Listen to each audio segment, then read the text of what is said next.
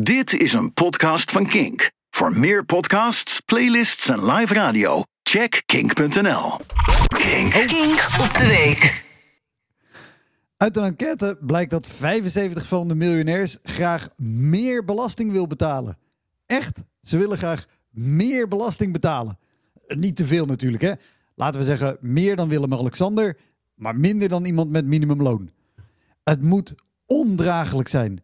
Weten dat je meer dan genoeg geld hebt om eerlijk bij te dragen aan de samenleving, maar dat je accountant de hele tijd achter jouw rug om slimme trucjes uithaalt en dat je dan al dat geld dan maar zelf uit moet geven.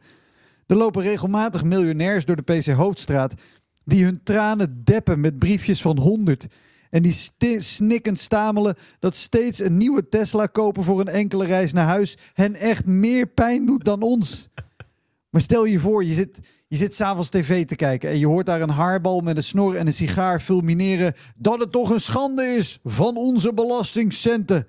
En dat je dan met een brok in je keel moet zeggen, jullie belastingcenten, Johan, jullie, niet die van mij. Och, wat zouden ze ervoor over hebben om iets meer belasting te mogen betalen. Alles, echt alles. Nou ja, behalve tegen hun boekhouder zeggen: hey, kappen nou met die double Irish with a Dutch sandwich. Ik wil mijn geld gewoon hier in Nederland afdragen, zodat we leuke spulletjes kunnen kopen voor de gewone mensen in hun ziekenhuisjes en die openbare schooltjes van ze. Leuk.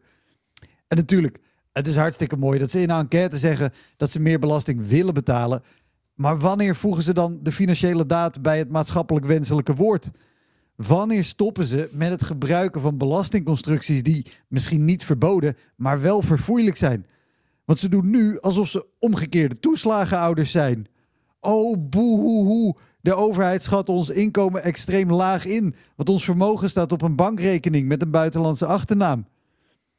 In de Tweede Kamer is nu een tweederde meerderheid die vindt dat de koning, onze bekendste miljonair, ook belasting zou moeten betalen.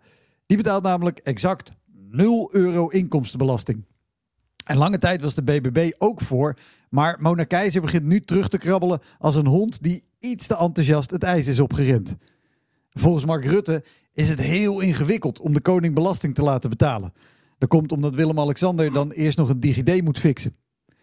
Ik denk dat Mona Keizer niet zo enthousiast is om de koning belasting te laten betalen, omdat ze bang is dat hij dan misschien niet meer komt kijken bij de toppers. Dan maakt ze van de boer-burgerbeweging toch liever de belastingvrije bollenbeweging. En er zijn mensen in Nederland voor wie belasting betalen echt heel ingewikkeld is. Omdat een blauwe brief gewoon betekent dat er die week geen geld meer is voor boodschappen. En dat er tegelijkertijd dan miljonairs zijn die graag meer belasting willen betalen. En onze oppermiljardair zelfs geen belasting betaalt, dat is onbegrijpelijk. En dat het ingewikkeld is, dat is geen reden om er dan maar niks aan te doen. Sterker nog, dat is nou net waar we politici voor hebben. Om hele ingewikkelde problemen zo goed mogelijk op te lossen. En tot we het opgelost hebben, stel ik voor dat we naast elke voedselbank ook een belastingbank zetten. Daar kan elke miljonair dan het belastinggeld storten dat hij niet via zijn aangifte kwijt kan.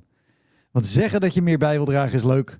Maar als je dit echt doet, dan pas ben je een echte topper. Bedankt voor het luisteren naar deze Kink podcast. Voor meer podcasts zoals Kink Fast, De Kleedkamer van Joy of More Than a Feeling, check de Kink app of kink.nl.